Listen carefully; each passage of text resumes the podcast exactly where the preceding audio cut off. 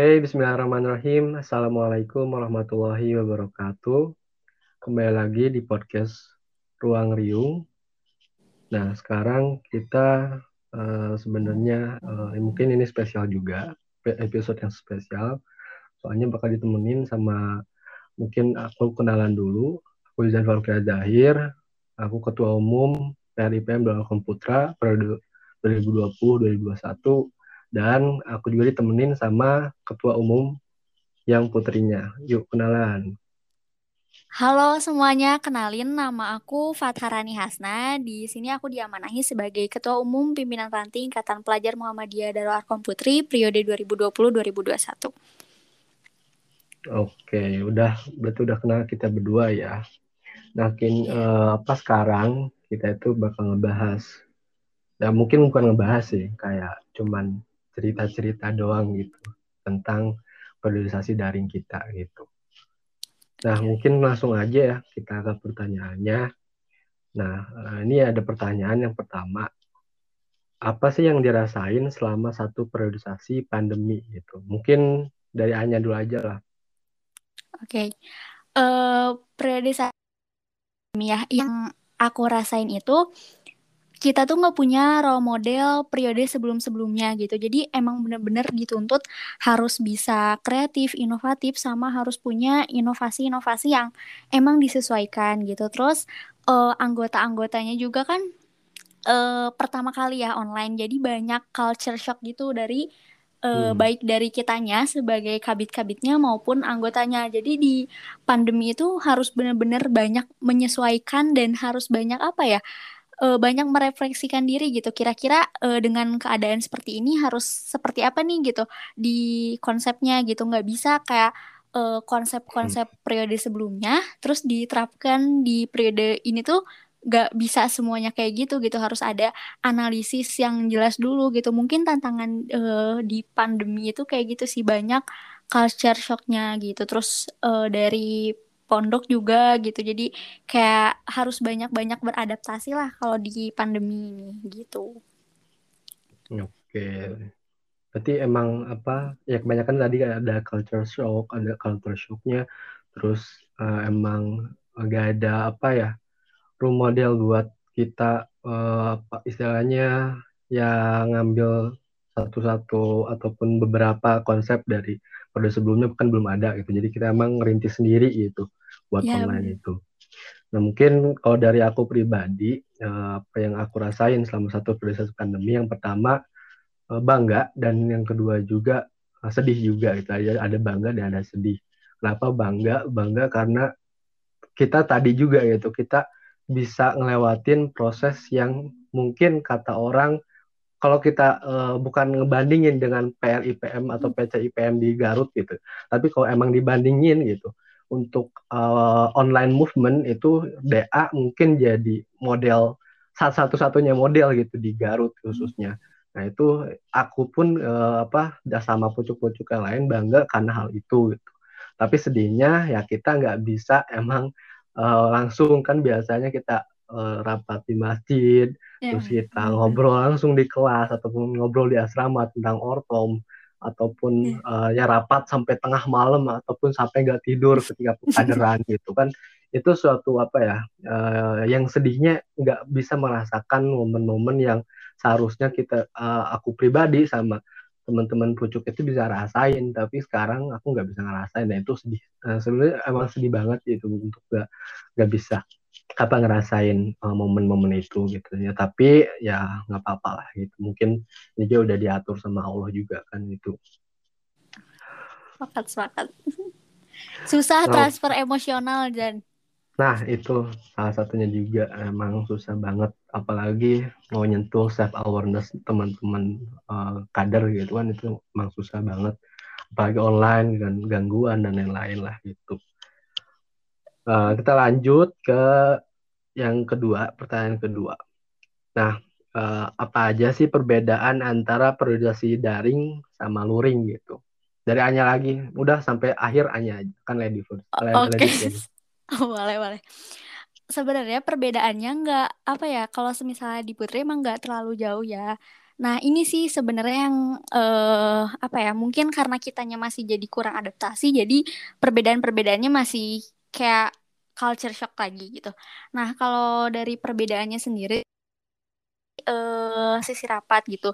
Yang dulu mungkin rapat kita waktunya bisa sampai uh, dua jam, tiga jam, tapi di online ini tuh lebih disederhanakan gitu. Terus kayak silabus-silabus materi-materi yang kita kasih, yaitu sama lebih disederhanakan yang awalnya misalnya empat materi jadi dua materi, termasuk di Putri itu perkadran yang disederhanakan gitu, yang awalnya setiap hmm. tingkatan itu ada, sekarang tuh nggak ada gitu. Jadi diganti sama pelatihan pelatihan atau mentoring mentoring kaderisasi gitu. Jadi lebih menyederhanakan silabus. Terus juga yang biasa mungkin ada fikir ada AMT gitu. Kalau di Putri nggak ada itu gitu. Jadi lebih ke mentoring mentoring aja gitu. Jadi hmm. kalau misalnya di Putri sih lebih banyak ke mentoring dan lebih menyederhanakan silabus gitu. Yang awalnya banyak jadi sedikit Hmm, oke. Itu emang apa lumayan apa perbedaannya lumayan signifikan juga gitu maksudnya banyak perbedaan-perbedaan yang sebenarnya itu kalau aku pribadi emang nggak apa ya uh, ya sedia aja gitu perbedaan-perbedaan itu muncul ya, tapi ya tadi kita udah di skenarioin lagi gitu. Nah hmm. mungkin kalau dari aku pribadi uh, perbedaannya mungkin cukup banyak gitu dari antara daring sama luring gitu. Kalau daring uh, mungkin luring dulu, luring rapat biasa di masjid, terus bisa sampai tengah malam dan lain-lain hmm. ngobrol uh, enak bisa di kantin, di asrama, di kelas ataupun di mana pun lah gitu bisa ngobrol tentang organisasi. Tapi ya ketika pandemi sekarang waktu dibatas emang uh, dibatas juga itu dengan apa kita harus bagi-bagi waktu bagaimana time management tuh diuji di rumah dengan tugas di rumah misalkan beberes yang kalau yang beberes hmm. terus uh, apa ah, yang sekolah tugas-tugas juga kan banyak numpuk hmm. gitu terus sekarang sama tugas organisasi nah itu mungkin yang bikin bedanya emang di time management juga terus uh, apa tadi rapat udah terus masalah pergerakan-pergerakan ya otomatis lah ketika luring kan kita pergerakan ya offline terus lokal. Terus emang uh, apa ya ya kita emang cuma lokalitas doang gitu pergerakannya gitu. Nah, tapi ketika sekarang pandemi uh, pergerakan-pergerakan ya di apa istilahnya dialihfungsikan ke uh, apa hybrid system atau sistem hibridasi. Kan kita juga uh, pakai online semua terus mulai dari rapat, acara-acara sampai acara-acara angkatan yang juga online itu.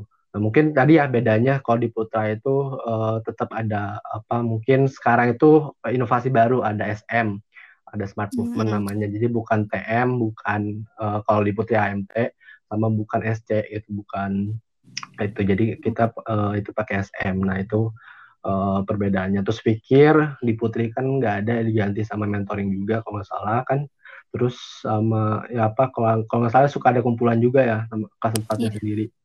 Nah kalau yeah, di gitu putar tetap tetap ada fikir tapi ya online juga. Nah itu perbedaan perbedaannya emang uh, nampak di emang banyak banget di uh, apa di pergerakan pergerakannya gitu. Itu sih buat perbedaannya gitu perbedaan yang uh, dirasain juga gitu. Nah, emang apa ya ya emang apa perbedaannya uh, cukup apa impactnya itu beda gitu antara offline dan online. Ketika kita mengger apa menjalanin pergerakan online beda banget sama pergerakan offline kita jalanin gitu.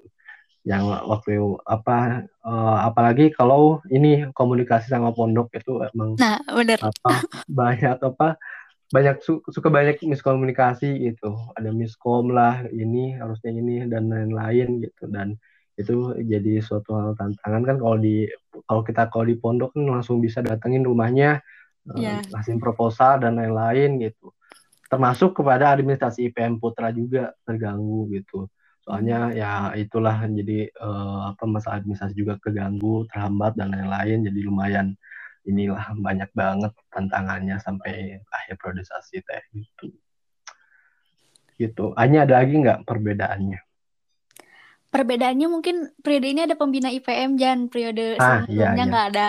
Jadi bener-bener ngerasa apa ya walaupun periode kita periodisasi yang online pertama nggak ada role model, tapi ada pembina IPM yang bener-bener uh, kalau di Putri bener-bener merhatiin sedetail itu gitu. Jadi kalau misalnya emang kita ada ke ke ke itu selalu langsung diluruskan gitu. Terus tuh salahnya di kita kadang terlalu ngikut ke periode sebelumnya gitu. Padahal periode sebelumnya tuh belum tentu bener gitu. Jadi kadang-kadang pembina IPM tuh emang bener-bener berperan lah di periode ini. Hmm. Oh, Oke, okay. nggak apa-apa. Ya, mungkin kalau apa kalau di Putra ceritain jangan nih. Jangan boleh, boleh. Atau ceritain aja nggak apa-apa. Oke. Okay. Nah, mungkin kalau di Putra sih nggak menurut aku pribadi dan menurut pucuk-pucuk yang lain nggak terlalu apa ya maksudnya nggak terlalu berperan gitu maksudnya jadi eh, kalau mau diceritain secara gamblang ya kita laporan ya udah diterima oke okay aja semuanya gitu jadi ya udah ngapain juga kita maksudnya tapi tetap kita juga apa laporan tetap tapi ya uh, istilahnya kita nggak sedetail apa yang dirasain sama hmm. Putri gitu. Itu aja sih minusnya. Nah, itu. Nah ada lagi nggak ya udah cukup deh kayaknya perbedaan terwakilkan no, oke udah. Tadi uh, apa yang dirasain udah perbedaan udah. Nah yang ketiga gimana adaptasinya uh, di periodisasi full daring terus uh, tantangannya tuh apa aja gitu Oke, okay. jadi kan emang kita tuh nggak tahu dari di awal tuh emang nggak tahu bakal periodisasi daring gitu. Jadi sempat ada isu wacana bahwa periodisasi itu se semester satu online, semester satu hmm. offline, eh semester dua offline gitu. Jadi eh, dari awal tuh konsep tuh emang di ada dua gitu, ada periodisasi IPM online sama offline gitu. Nah, jadi uh, kitanya juga nggak terlalu bingung gitu karena pas di awal dari Rakerpim udah terlalu udah diarahin gitu untuk bikin draft gitu, draft uh, online offline, online online dan offline gitu. Nah, mungkin e, cara beradaptasinya ya kuncinya itu harus bisa e, megang dulu sih kabit-kabitnya. Kayak hmm. kalau percuma aja gitu kalau misalnya kita punya konsep-konsep yang bagus tapi e, si kabitnya tuh nggak kepegang. Jadi di awal itu gimana caranya kalau Anya itu e, ngegerakin dulu si kabit-kabitnya. Gimana caranya kabit-kabitnya tuh kayak eh turut gitu nurut semuanya ke Anya walaupun ya bukan berarti ini ya harusnya ikut gitu jadi pas mau Anya bikin arahan sesuatu pun mereka gampang gitu ke depannya gitu nanti kalau misalnya si kabit-kabitnya udah nurut udah bisa diarahin gitu nanti dia bakal gampang gitu ke anggotanya terus dari sekre juga minta bantuan ke sekum untuk uh, ngegerakin sekre-sekrenya gitu. Jadi biar kabit sama si sekrenya berkolaborasi. Soalnya emang tantangan di online itu tuh banyak banget kalau semisalnya kita apa ya, semisalnya si anggota itu udah mulai gak betah sama IPM gitu, terus uh, online kalau offline kan bisa langsung didatengin ya terus ditanya kenapa gitu. Terus kan otomatis si orangnya bakal jawab. Tapi kalau offline kayak gini eh online online kayak gini sorry kebalik ya. Kalau hmm. misalnya online kayak gini tuh kadang chat kita tuh sampai nggak dirit gitu karena ah. malas gitu. Jadi lari gitu kan jadi kayak ngerasa uh, uh, di ghosting anggota gitu.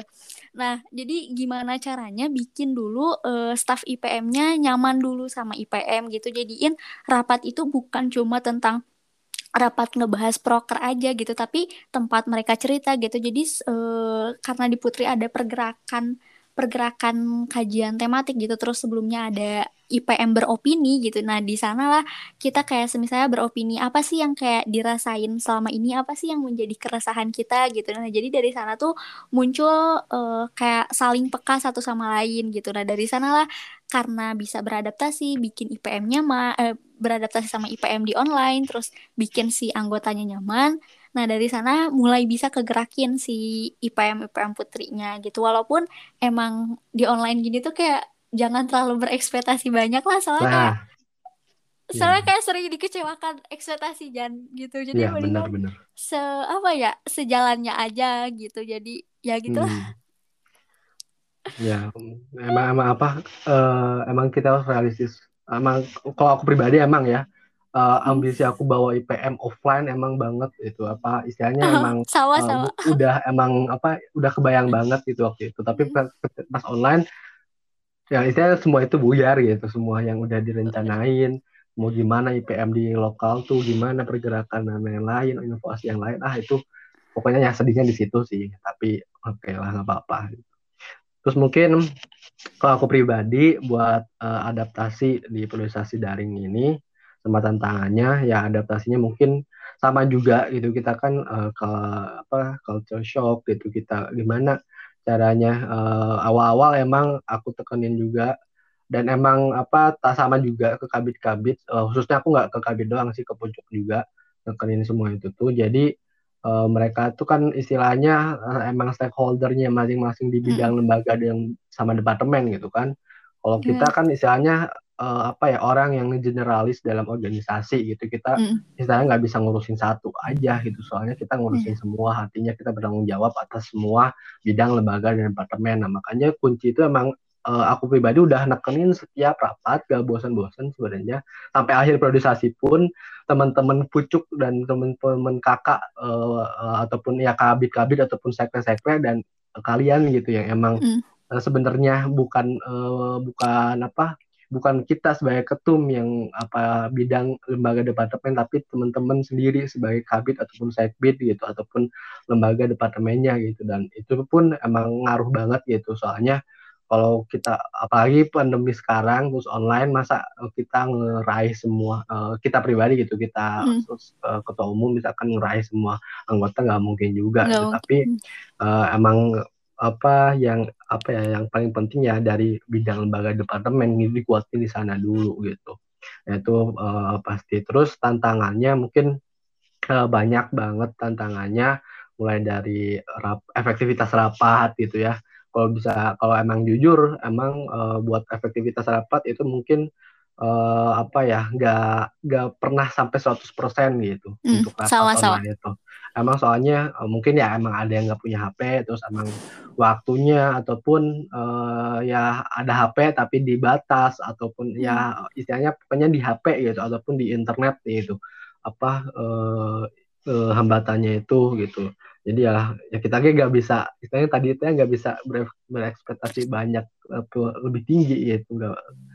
Jadi ya udah realistis aja nggak apa-apa jangan maksain gitu jangan maksain idealisme di tengah-tengah kayak gini ya maksudnya Bener. bukan berarti nyerah gitu ya bukan berarti iya. nyerah tapi kita ya udah ambil yang positif apa apa opportunity yang paling kecil yang bisa kita kembangin apa gitu nah itu yang harus difokusin kan nggak usah kita yeah. fokus pada eh, banyak yang nggak rapat ataupun dan lain-lain sebenarnya itu malah bikin uh, tambah buyar juga itu hmm. nah, mungkin Jadi tantangan tah itu jadi istilahnya kita ge ah jadi ya istilahnya jadi ngedownnya terus terus uh, gitu bener, bener. buat di PMT tapi ya tadi ya ya udah realistis aja lah ya lagi-lagi aku juga setiap rapat juga nekenin khususnya pas uh, rakor gitu kan ya udah realistis hmm. gitu yang yang dulunya ekspektasinya tinggi banget gitu buat hmm. ngembangin bidangnya mah ya uh, ya wayahna lah gitu turunkan uh, grade-nya gitu It. buat uh, sekarang mah gitu. Dan tapi alhamdulillah mereka pun bisa nerima, bisa ya istilahnya ngejalanin sesuai grade yang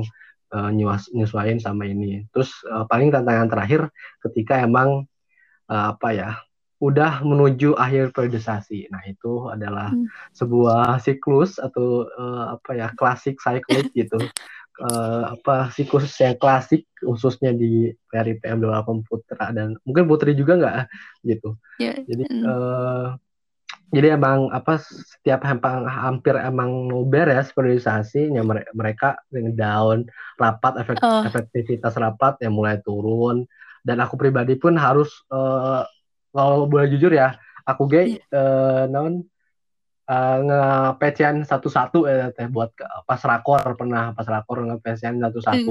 Terus uh, apa ya di pucuknya uh, ya sampai sampai semua bukan kabitnya doang tapi sama sekrenya di chat hmm. satu-satu yang biar apa biar mereka bisa masuk. Nah, itu lumayan apa ya lumayan menantang juga gitu. Benar-benar sama emang apa apalagi rapat uh, apa rapatnya bentar maksudnya nggak terlalu lama kayak di sana gitu. Bisa hmm Islam bisa hari dulu gitu bisa uh, ngobrol lah gitu se ngejalin apa chemistry teh. Tapi ya, hmm. ya kayak ini mah susah susah emang susah. Susah, susah gitu buat itu teh. Hanya ada lagi nggak tantangan yang belum disebutin? Atau hmm. apa gitu adaptasinya? Bener tadi sama kayak Ijan susah transfer emosionalnya. Jadi mau segimanapun usaha kita tapi kadang-kadang teks itu multi tafsir gitu Jan. Jadi kadang-kadang Hmm. kita ngechatnya apa eh, mereka nangkepnya apa jadinya ya Nah, banyak multi tafsir gitu sih di tantangan online ini terus sering bangetnya di ghosting anggota tuh bukan apa ya bukan suatu hal yang jarang gitu itu teh sering setiap rapatnya pasti kabita iya. chatnya eh rapat bidang ini nggak ada misalnya Nah, gitu sama kayak itu juga. sama di ujungnya di PC lagi satu-satunya. Nah, ya tapi eh, apa ya? Ya istilahnya kan maksudnya kita kita nggak bisa nyalahin mereka dan nggak bisa Eh, nyalahin bener kondisi gitu. Kalau kita Mm, jangan apa ya, jangan playing victim gitu. Jadi jangan jangan bermain sebagai korban gitu ya. Tapi kan kita juga semua maksudnya eh, apa ngerasain yang sama gitu kita juga harus ngerasain juga feel-nya sama kan mereka juga yang udah kita rasain kayak gimana di posisi mereka gitu ya. Tapi nggak apa-apa gitu. Ya emang kalau eh, mungkin eh, kalau aku pribadi ada yang protes ah tegas gitu, tegas tegas eh, gitu eh, buat apa teh. Waktu waktu kemarin terakhiran terakhiran eh, sama kelas 4 kalau nggak salah. Tegas eh, mungkin ya, apa kan kesan pesan gitu. Pesannya eh, pesannya lebih tegas lagi nanti ya mungkin ya juga kekurangan eh, aku pribadi gitu buat priorisasi sekarang ya emang mungkin nggak bisa setegas di DA-nya gitu ya, nggak bisa setegas di mm. offline gitu. Mungkin ya itu juga yang jadi ya inilah perhatian juga gitu. Ada lagi nggak hanya tantangannya? cukup Jan terlahirkan Oke. Nah, yang keempat eh ini eh, tadi udah apa yang dirasain, apa perbedaannya, cara adaptasi dan tantangannya, terus ada nggak gold moment atau gold memory yang didapat dari priorisasi eh, o- o- apa pandemi atau priorisasi COVID ini? Terus apa hikmah yang bisa dipetik sama Anya gitu? Oke, mulai dari apa ya? Oh, mungkin dari Rakerpim ya. Jadi pas cerita nih mau pas di Putri Rakerpim tuh sempat beberapa kali pas kita konsul ke pembina IPM terus ke Bu Reni itu sempat banyak apa ya? Banyak perbedaan pendapatnya gitu. Banyak perbedaan pendapatnya sampai eh, kita tuh bingung gitu ya ini tuh kayak gimana gitu udah mana online susah gitu. Tapi eh terus-terusan nggak sependapat terus gitu. Sampai akhirnya kita Hmm. eh, kayak kumpul gitu terus nemuin titik tengahnya. Mungkin itu sih yang apa ya dari Bu Reni Budila itu banyak sekali apa ya masukan-masukan gitu. Tapi kadang-kadang kita di awal itu kurang bisa eh, menafsirkan apa yang mereka katakan gitu. Jadi kadang-kadang Hmm, kita jadi nyinyir dan lain-lain gitu. Tapi maksudnya mah baik gitu. Nah itulah hikmahnya gitu. Jadi kalau misalnya nanti kita ada sesuatu hal yang berbeda dari orang lain ya gimana caranya kita harus bisa eh eh, berpikir jernih gitu. Terus untuk mikir oh ini tuh ada hikmahnya gitu. Nah apa yang dikatakan Bu Reni Budila tuh kerasa sekarang oh maksud mereka dulu mengkritik ABCD tuh ini gitu. Nah itu sih paling yang paling bener-bener keinget mah peran Bu Reni Budila tuh di PM Putri bener-bener apa ya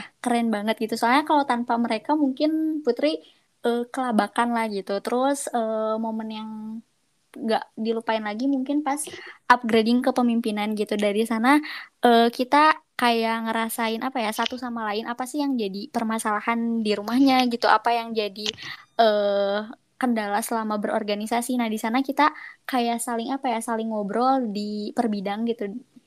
Terus udah gitu kayak jadi tahu gitu oh si ini tuh eh, perasaannya kayak gini makanya dia nggak rapat. Jadi kita tahu akar sebab masalahnya gitu. Nah dari sana si eh apa sih kekeluargaan di PM Putri em, cukup apa ya langsung kayak ada perubahan gitu dibanding sebelum ada upgrading kepemimpinan gitu jadi lebih erat lagi. Mungkin itu sih momen-momen yang nggak bisa dilupain gitu. Terus walaupun apa ya eh ini nih dokumentasi gitu ya. Kadang-kadang hayu dokumentasi dokumentasi screenshot gitu. Jadi suka ya. ada iseng gitu ya eh periodisasi periode sebelumnya gimana periode ini screenshot gitu. Jadi ya itulah periode screenshot Boleh screenshot. Jadi emang bukan vote barnya, vote bar Dapat bar. eh, di aula, bukan vote bar Mm-mm. di masjid, gitu. tapi kita vote bar di di eh, screenshot layar, di di layar. Oke. Eh, ada lagi nggak ya ininya? Gold moment sama hikmahnya. mungkin itu sih dari aja dari Bu pembina IPM yang selalu bener-bener ada gitu. kayak lagu TikTok kan.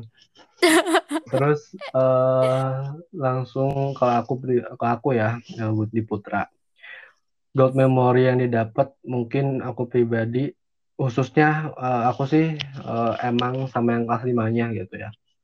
Uh, kan itu uh, kalau kalau di apa back to history gitu kalau kita uh, tinjau ke belakang sejarahnya dari kelas 2 itu tuh orangnya sama-sama gitu istilahnya oh iya benar-benar uh, kabit yang sekarang jadi kabit yang jadi ya istilahnya yang jadi pucuk-pucuk khususnya kabit-kabit itu tuh udah membersamai uh, sama aku itu uh, hampir ya sama ya dari kelas 2 terus kelas 4 sampai kelas 5 ya tiga tahun lah dalam organisasi ininya formalnya gitu. Hmm. Kita di sana emang bareng-bareng, emang istilahnya gold momennya aku di sana ya. Uh, apa kita bareng-bareng yang dulu waktu dulu emang apa saling apa ya istilahnya saling nyerang apa argumentasi hmm, bener, apa bener-bener lah ya aku teh bener gitu dan lain-lain pas kelas 2 dan itu masih awal-awal banget apa masih awal-awal banget berorganisasi kan kita teh uh, ya saling inilah ras-ras lah Sundanya mah gitu pas di sana. Nah kelas 4 udah mulai apa sedikit dewasa gitu ya bukan sedikit lah udah lumayan dewasa gitu dengan menyikapi permasalahan yang ada gitu bagaimana bisa menghandle barudak nah kalau di di di angkatan gitu. Nah, yang paling puncaknya ketika emang kelas 5 itu ngerasainnya. Ketika kelas 5 hmm. eh, sama-sama mereka ya udah kayak apa ya? Ya kayak ya udah biasa gitu kita tidak udah istilahnya udah jadi keluarga dari kelas mungkin dalam organisasinya udah di kelas 2 gitu. jadi chemistry jadi nggak ada art, kata yang baperan-baperan lagi gitu. Nggak hmm. ada yang uh, apa kayak istilahnya ya netting lagi dan lain-lain. Soalnya udah apa udah paham gitu karakternya masing-masing kayak gimana bisa menerima gitu. Enggak bisa enggak agresif lagi apa hmm. yang uh, apa ya, terhadap apa-apa yang beda atau per perbedaan dari setiap orang teh. Jadi kita udah bisa menerima udah bisa uh, kolaborasinya pun udah jalan gitu. Enggak istilahnya enggak uh, apa ya nggak saing-saing gitu nggak pas saing-saing minta bagus-bagus tapi bagus-bagus bersama gitu menjadi bagus bersama. Nah situ sih gold momennya khususnya aku pun khususnya emang kelas lima uh, aja gitu buat gold momennya. Paling buat hikmahnya uh, aku pribadi sih uh, hikmahnya yang uh, mungkin yang paling penting yang paling utama ya kita uh, kalau aku pribadi mandang uh, corona datang khususnya ke dunia organisasi itu uh, apa ngasih tanda-tanda, ngasih clue bahwa ke depannya organisasi itu bukan organisasi offline doang gitu. Misalnya hmm. kita nggak cuman menjalankan kalau kita tinjau kan, kalau kita lihat yeah, yeah. gitu kan, uh, IPM Dalam Komputra ataupun Putri kan dulunya nggak aktif uh, medsos kan, yeah, ya, cuman dokumentasi akhiran periodisasi baru diupdate ataupun yang lain-lain dan nggak aktif banget gitu uh, medsosnya. Dan itu sebenarnya jadi hikmah ke depannya gitu. Dan uh, periodisasi kita itu mengawali mengawali sejarah hmm. mungkin ya.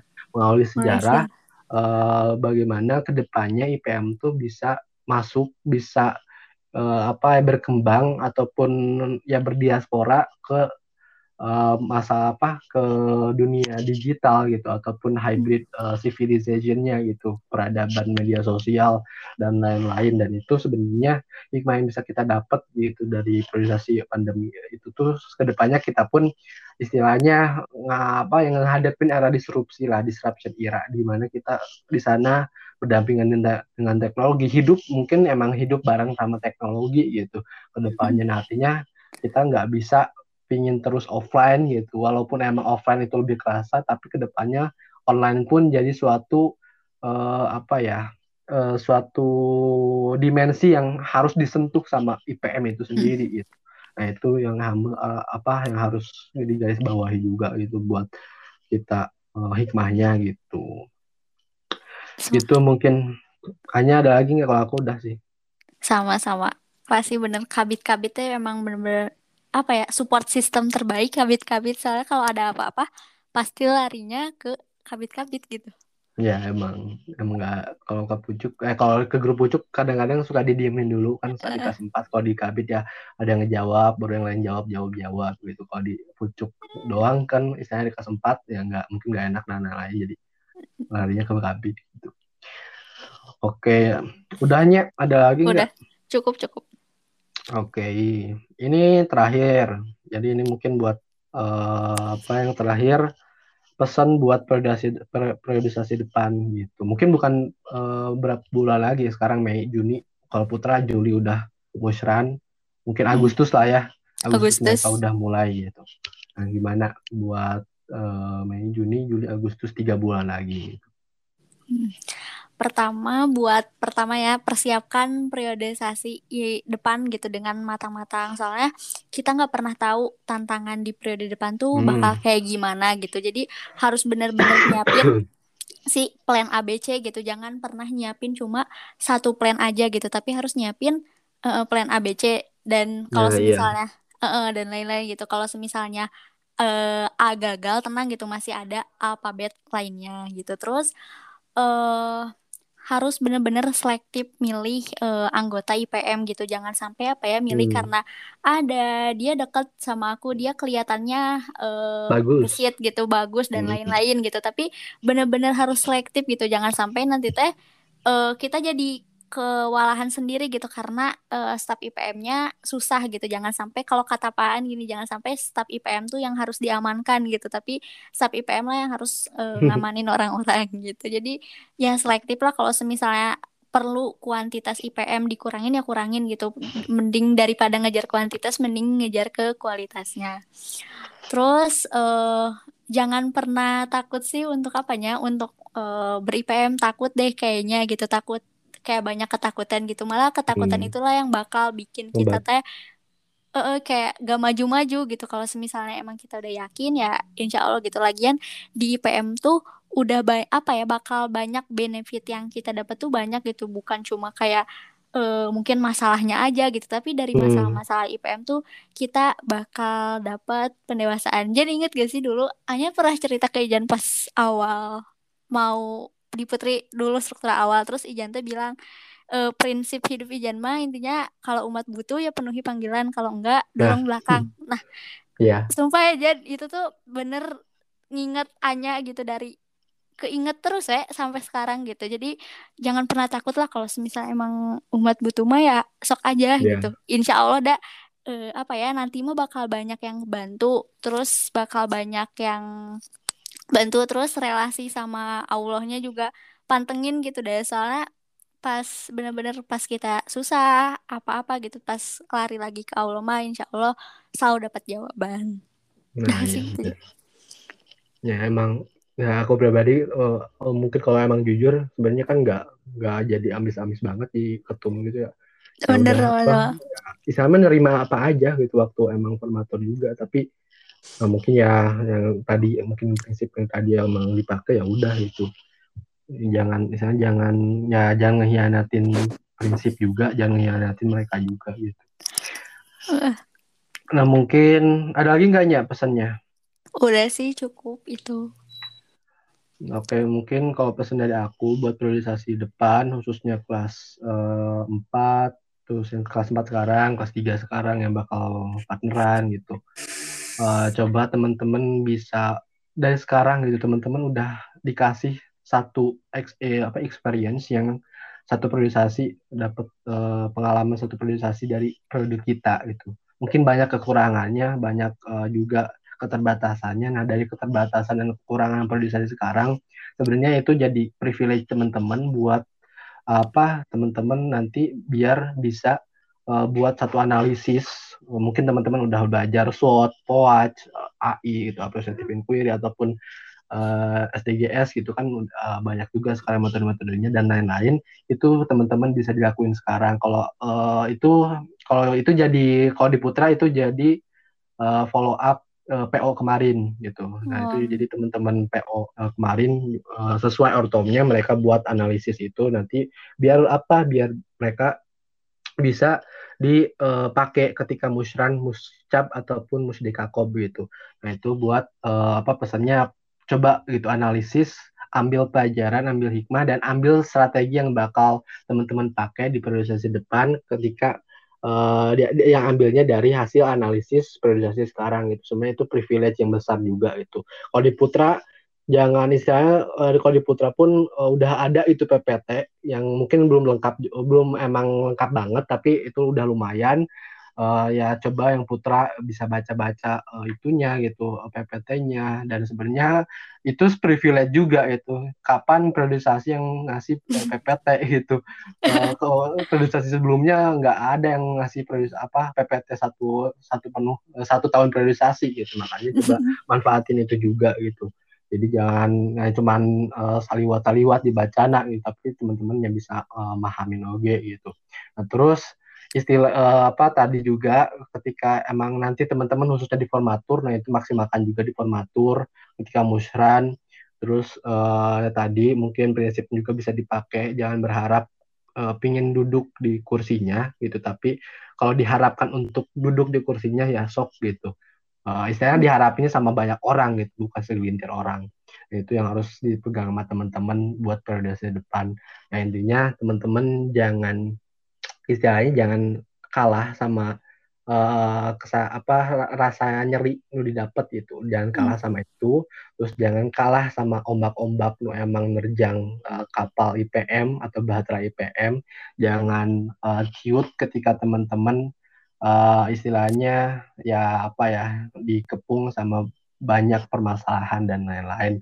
Dan intinya teman-teman pun tadi juga kata Anyage bener gitu ya tingkatkan dari uh, relasi dengan relasi dengan uh, Allah nah gitu dah. Atau paling terbaiknya eta gitu doa nah paling tarik gitunya nah eta nu bikin teman-teman mungkin bisa lebih sukses lagi daripada realisasi sekarang teman-teman bisa lebih terang lagi lebih uh, bisa menjadi mercusuar di uh, apa di tengah lautan yang emang gelap mungkin. Nah itu mungkin uh, pesan buat uh, depan gitu. Oke, okay. uh, hanya ada lagi nggak? Ini udah terakhiran pisan ini teh. Cukup sih Jan, cukup cukup. Oke okay, cukup. Uh, kalau udah cukup, udah aku juga udah cukup. Mungkin uh, cukup dari kami uh, apa selaku ketua umum PRIPM Komputer dan Putri untuk podcast sekarang uh, mungkin bisa teman-teman ambil hikmah dan pelajarannya. Nah mungkin uh, sekian dari kami. Terima kasih uh, telah mendengarkan uh, podcast Ruang Liu. Uh, sampai ketemu di podcast uh, selanjutnya dengan pembicara yang berbeda. Nun wal kolami wa turun. Wassalamualaikum warahmatullahi wabarakatuh.